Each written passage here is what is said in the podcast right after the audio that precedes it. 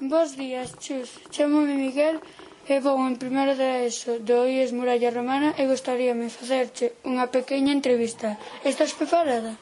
Sí, estou. Cando, cando eras pequena, que querías ser de maior? Eh, cando era pequena quería ser enfermeira. Lembras algún profesor ou profesora do que teñas un bo recordo? Podes contárnoslo? contárnoslo? Pois eh, teño varios recordos. Cando era moi pequena, antes de comezar na mesma escola todos os cursos, eh, meus pais mandaronme como a unha preescola. Non era en realidade unha gardería, era, bueno, pois unha pequeniña escola que había en Lugo, eh, que meus pais aproveitaron un pouco, bueno, pois para que me fora facendo a ir a, a escola, non? Entón aí, bueno, pois lembro que como era a máis pequena e eu era, bueno, pois moi traste, sempre, bueno, pois moitas veces tiñan que chamar a miña casa para que me portara ben, sendo moi moi pequena. E despois eh, na miña escola, eh, bueno, pois eh, lembro sobre todo, bueno, pois que con respecto aos meus profesores que eran bastante exixentes eh, porque eu estudaba nunha escola religiosa no que era o divino maestro e había moita exixencia, non? Pero, bueno, pero ao mesmo tempo era moi divertido porque facíamos moitísimas actividades, tiñamos un patio enorme e facíamos moitas cousas. E quizáis con máis cariño recordo no instituto. No instituto recordo unha profesora de matemáticas que, que se empeñou en min, empeñouse en que me saíran ben as matemáticas, porque, bueno, as matemáticas non se me daban tan ben, e, e conseguiu en realidade que me acabaran gustando as matemáticas e, e traballando ben nas matemáticas. Uh -huh. Deches clase en moitos institutos?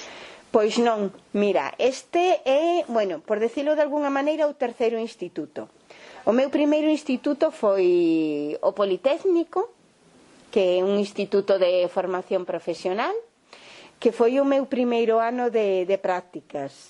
E logo, pois, eh, marchei para Guitiriz, e en Guitiriz estiven traballando no instituto catro cursos. E aquí levo, bueno, pois como 25 cursos traballando aquí, o sea que levo toda a vida neste instituto. Se, senteste Ven dando clase no Muralla?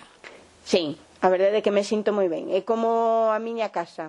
Eh, forma parte de, da miña vida e sin algún momento, bueno, pois si cando estou enferma ou calquera cousa, me falta vir ao instituto como se si faltase parte da miña vida. Gústame relacionarme cos meus compañeiros, gústame, bueno, pois eh, os meus alumnos, mm, sí, estou moi contenta.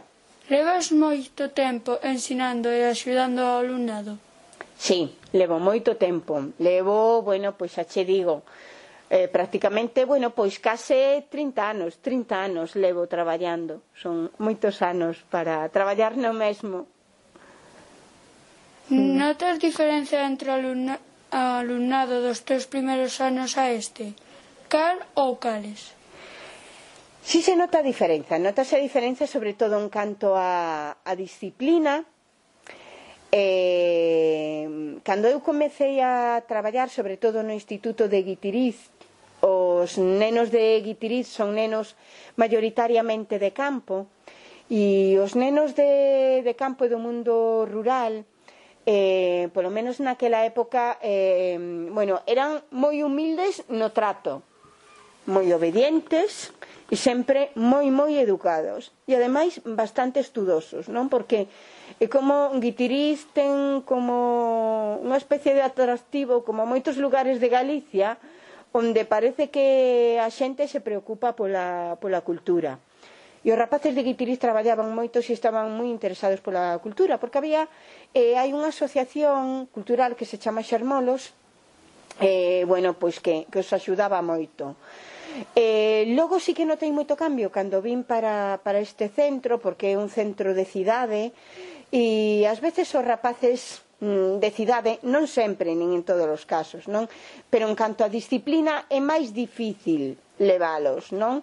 Mm, bueno, pois mm, ás veces perdense o as, mm, o que é, bueno, pois o respecto cara cara ao profesor, Eh, por exemplo, en, en Guitiriz iso nunca pasaba. Había un trato normal, un trato de confianza, pero sempre moi respetuoso. E aquí, aínda que mayoritariamente é así, que temos moito trato de respeto con case todos, sempre, bueno, pois hai algún alumno eh, onde se nota esa falta de, de disciplina e de educación. Pero poucos casos. E imos mellorando. Gustache ensinar aos alumnos e as alumnas? Gústame, gústame ensinalos, gústame ensinarlles e gustaríame eh, pois que viviran o que eu transmito non como a min, vale, porque eu vivo moi moi intensamente e diso son consciente, pero sí conseguir transmitir que neste caso é a lingua galega, transmitir o valor que ten a nosa lingua para a nosa personalidade, non para a nosa identidade como galegos. Polo menos que se entenda, bueno, pois ese ese puntiño. Mais alá de, ás veces, saber moita gramática que hai que saber, saber moita literatura que hai que saber. Gustaríame conseguir que, que o meu alumnado tivese, bueno, pois pues esa conciencia e eh, se interesara por manexar máis a lingua, sobre todo.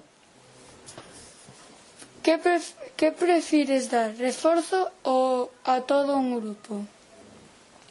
Pois mira, non me importa. Mm, prefiro si sí, mesturado, estou contenta. É dicir, teño grupos eh, de bacharelato, teño os alumnos de cuarto da ESO que son máis numerosos eh, e que sigo, bueno, pois os contidos día a día, pero gustame moito dar reforzo porque me permite maior autonomía en canto que a min me gustaría como debería desde aprender, non? Entón utilizar outros, outros métodos e outros recursos que ás veces facemos na clase, pois con algún vídeo ou con algunha canción, e, e gustame reforzo por iso, porque dinamiza, faime como máis entretido o que é o resto de, do proceso de ensinar. Mm. Que podes contarnos algunha anécdota que viviras neste centro? Pois a verdade é que anécdotas, anécdotas, en sí Non se, me, non se me ocorren moitas, máis alá de cando chega o entroido se disfrazan e, e se meten comigo, pero pero non. Eu penso que as anécdotas xorden así día a día. Son pequenos detalles que, que son froito ás veces da espontaneidade que tedes vos, que, que, que ademais está moi ben e que debedes de manter, pero nada así significativo. Cambiouche algo o teu traballo dende marzo deste ano? Eh, a ver, na, mm, durante a etapa de confinamento a verdade é que si cambiou moito porque unha das partes fundamentais cando és profesor ou profesora é o trato co alumno e a relación co alumno e esa relación co alumno refléxase tamén na valoración e na propia nota Eh, botei en falta iso, botei en falta, bueno, pois que, que os alumnos, eh, ter en fronte os alumnos para que me poideran decir e eh, que nestes momentos o mellor non me atopo ben para aprender isto e, eh, e que eu ao mesmo tempo pois, os poidera animar. Faltou esa parte de, de relación persoal. O resto foi complicado, foi complicado poñernos en marcha polos medios tecnolóxicos, pero logo máis ou menos mm, foi indo adiante. Pero bueno que non é non é o ensino tal e como teño pensado. O ensino ten que ser directo, o ensino ten que ser a través de de, de estímulos, eh, nin vos aprendedes da mesma maneira porque falta expresividade de, do profesor cando está comunicando, nin eu, bueno, pois eh, transmito da mesma maneira Bueno, porque falta ese puntiño das relacións humanas. Ahora, para ir rematando, pídoche que respondas o máis breve posible a estas preguntas. Disposta? Sí. Se foses unha profesión, cal serías? Se tivera outra profesión? Non, se foras unha prof, profe, profe, profesión. Se fora unha profesión, cal sería? Pois o mellor na rama sanitaria. Sabes que che dixen antes que de pequena quería ser enfermeira? Pois o mellor na rama sanitaria. A verdade é que me gusta traballar coa xente ou con calquera profesión que poida traballar coas persoas. Se foses un olor? Se fose un olor, mm, o mellor o li, mm, uliría a limón. Sempre algo que resulte fresco. Se foses unha música? Se fora unha música, se fora unha música volvería, bueno, pois o mellor mm, a música dos anos 80, que é a música da miña xuventude. E eh, volvería, bueno, pois a cantautores do tipo Bob Dylan. Sí, gustame a música pop dos 80. Se foses unha palabra? Se fose unha palabra sería o mellor ledicia que me gusta. Se foses un libro? Se fose un libro, hai un libro que marcou a miña infancia e en Memorias dun neno labrego. E non é un libro de calidade, pero é un libro que a min naquel momento me impactara. Se foses un desexo? Mm, o único desexo sería, pois, eh, saúde. Pois moitas gracias, Chus, por concedernos esta entrevista. Ata pronto. Gracias a ti, Miguel. Ata pronto.